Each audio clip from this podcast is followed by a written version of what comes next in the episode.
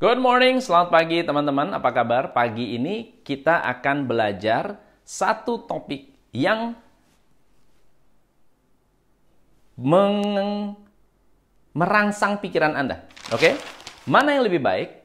Berbisnis menggunakan intuisi atau formulasi. Mana yang lebih efektif? Menjadi pengusaha yang mengandalkan intuisi atau yang mengandalkan teori dan formulasi bisnis.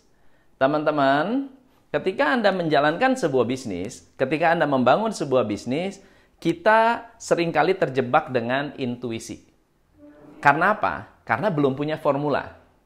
Nah, ada sebuah profesor, sebuah profesor, seorang profesor yang menuliskan sebuah buku, uh, judulnya uh, nama profesor adalah Paul Mill. Paul Mill melakukan sebuah eksperimen di mana eksperimen ini menurut saya sangat-sangat menarik dan mengganggu banyak profesor.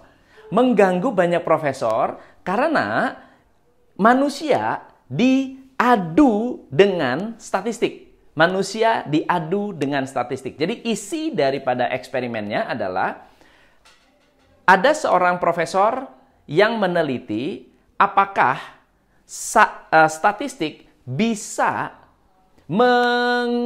memprediksi hasil uh, dari uh, analisa counselor atau analisa psikoanalis. Jadi Paul Mill ini adalah seorang psikoanalis. Beliau uh, memahami psikologi orang, lalu kemudian bisa memprediksi uh, uh, seorang siswa misalnya, anak-anak anak ini nanti kalau sudah besar atau ketika dia menjalankan uh, sekolah akan keluar dengan nilai berapa, akan keluar dengan hasilnya lulus atau tidak. Tetapi uh, mereka itu memang ahlinya counseling anak-anak. Lalu kemudian ada statistician. Statistician itu adalah orang-orang yang mengerti tentang uh, statistik dan data-data. Mereka hanya mengambil sampel nilai, lalu kemudian dimasukkan ke dalam statistik, yang menarik adalah dari 14 dari 14 um, data dari 14 informasi 11 akurat. Bahkan sangat akurat. Bahkan sangat akurat.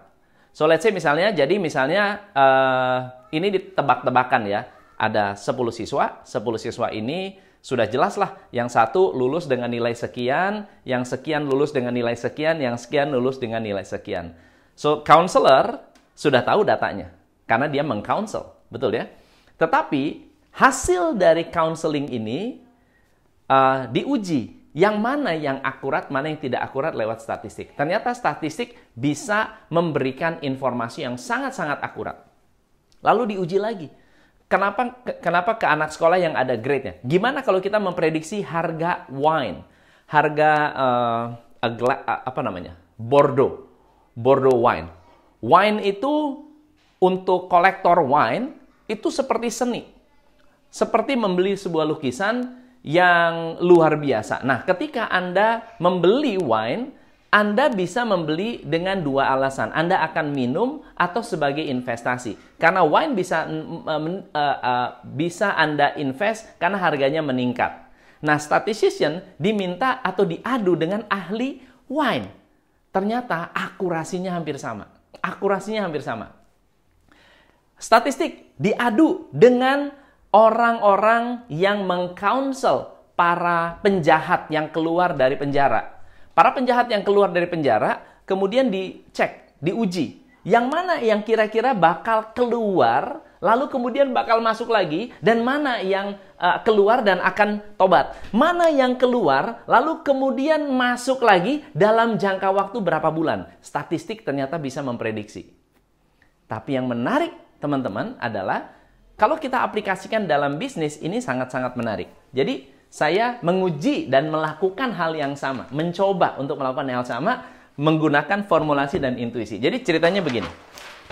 Anda bisa bayangkan ada dua seorang dua orang analis kredit senior. Ingat ya, mereka berasal dari pendidikan yang sama, mereka adalah orang yang memiliki latar belakang yang sama dari bank yang sama, di training di waktu yang sama dengan trainer yang sama dan mereka menghasilkan output non-performing loan yang sama.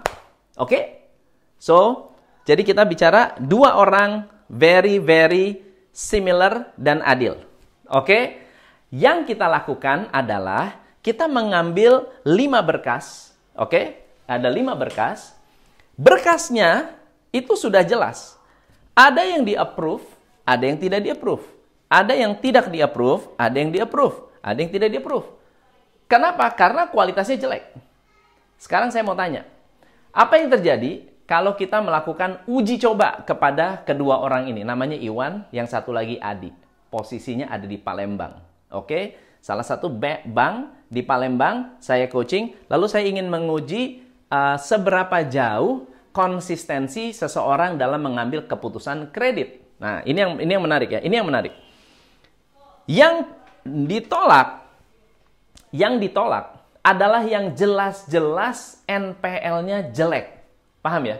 Yang ditolak, yang kita bilang ini nggak boleh di-approve. Yang ini kenapa di-approve? Yang ini jelek nih, karena datanya udah jelas-jelas jelek. Hasilnya pun jelek. NPL-nya atau atau kredit macetnya itu tinggi. Nah, lima berkas ini diacak. Nah, yang tahu yang mana yang sudah ditolak dan tidak ditolak cuma saya. Lalu kemudian saya tes. Coba di kamu analisa berkas satu. Menurut kamu oke okay atau tidak? Jawabannya oke. Okay. Berkas dua, menurut kamu oke okay nggak? Uh, no. Berkas tiga, menurut kamu gimana? Uh, no.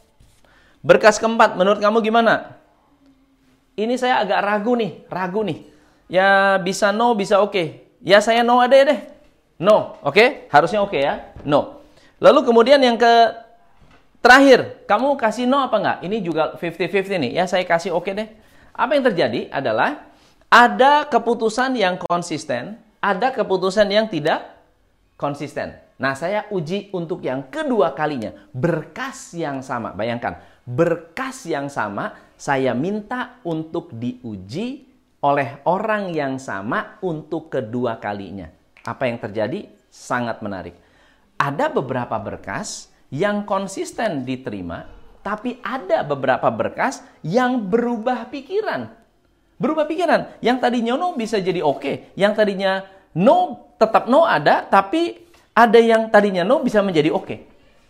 Begitu juga dengan, begitu juga dengan Adi. Akurasinya di bawah 70%. Berarti 30% inkonsisten.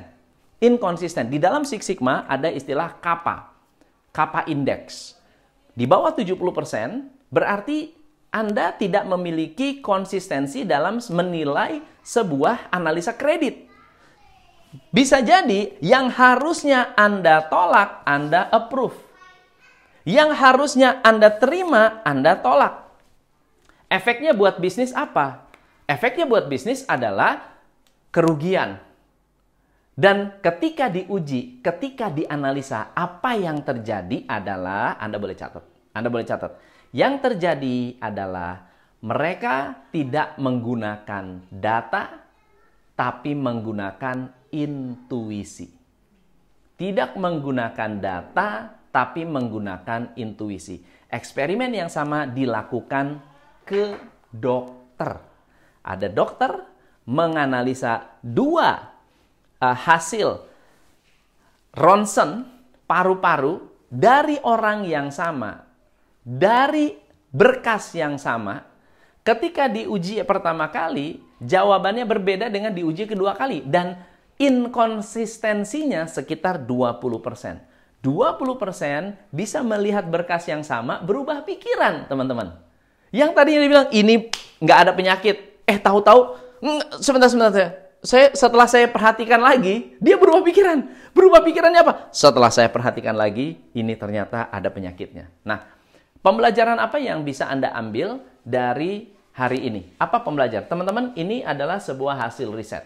Di mana intuisi yang Anda gunakan belum tentu valid karena emosi, karena mood saat Anda mengambil keputusan karena overconfident atau karena Anda sendiri orangnya tidak konsisten.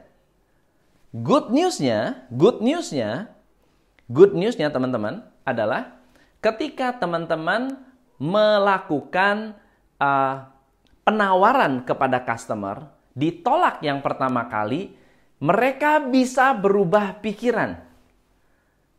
Ketika Anda menawarkan produk dengan harga yang mahal, ditolak pertama kali bisa berubah pikiran. Ketika ditolak kedua kali bisa berubah pikiran. Ditolak ketiga kali bisa berubah pikiran. Kenapa? Karena kita nggak pernah tahu kapan mood dari customer Anda berubah. Itu yang pertama ya, itu yang pertama. Tapi faktor yang kedua adalah formula sering kali mengalahkan intuisi. Formula sering kali mengalahkan intuisi. Why? Karena menggunakan pengalaman yang tercatat. Nah, pertanyaan saya teman-teman adalah apakah teman-teman menggunakan data ketika mengambil keputusan? Apakah kita menggunakan analisis ketika mengambil keputusan? Apakah kita menggunakan data yang lebih akurat ketika mengambil sebuah keputusan? Dan ini semua mempengaruhi apa? Tolong dicatat. Intuisi dan formulasi mempengaruhi pertumbuhan Anda dalam menjalankan bisnis. Kalau Anda ingin berkembang, Anda ingin bertumbuh, ada dua memang yang harus Anda bayangkan. Satu, Anda memiliki insting tapi yang kedua, Anda memiliki data. Nah, dua data, data dan insting ini memberikan teman-teman sebuah uh, analisis yang lebih lengkap. So, saya mengadakan workshop uh, business briefing. Ya, ini adalah sebuah business briefing yang saya adakan untuk klien saya di tanggal 1 Oktober hari Kamis jam 10 sampai jam 12. Ini rutin dua minggu sekali uh, uh, yang saya bisa buka untuk umum juga. Ya buat teman-teman yang pengen belajar silahkan Anda gabung uh, dibuka untuk umum. Tetapi untuk uh, umum harganya 550.000 untuk customer saya klien saya hanya 100.000 rupiah. Tapi kalau Anda mau daftar dengan harga customer silakan hubungi ke 08 111 59 59 08 111 59 59 08 59 5979. Kalau teman-teman ingin daftar ke sana nomornya ya. So jadi kesimpulan kita hari ini adalah ketika kita mengembangkan sebuah bisnis, Anda punya dua pilihan, dua jalur, jalur insting dan jalur data. Jalur insting dan jalur formula. Jalur insting dan jalur uh, teori ya. Teori datang dari begitu banyak orang yang praktek, disimpulkan. Tetapi insting datang dari experience Anda sendiri. Oke? Okay? Experience atau pengalaman Anda sendiri. Nah, Anda bisa ambil keputusannya sendiri. Uh, semoga bermanfaat. Jika Anda ingin uh, hubungi, hubungi 08 111 59 uh, karena hanya berlaku untuk 30 orang pertama saja yang bisa memberikan yang bisa kita berikan harga uh, klien yaitu cuma investasi 100.000 rupiah buat yang non klien adalah 550.000 rupiah.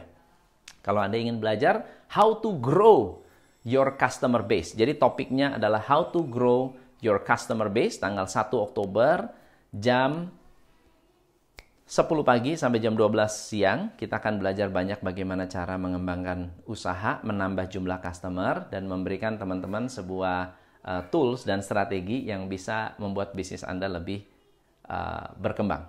Oke? Okay? Uh, silahkan ke 08 111 59 5979 08 111 59 5979 Semoga bermanfaat. Uh, besok kita akan sharing-sharing lagi, cerita-cerita lagi tentang bagaimana cara mengembangkan bisnis. Saya Tom M. Sifle, salam pencerahan.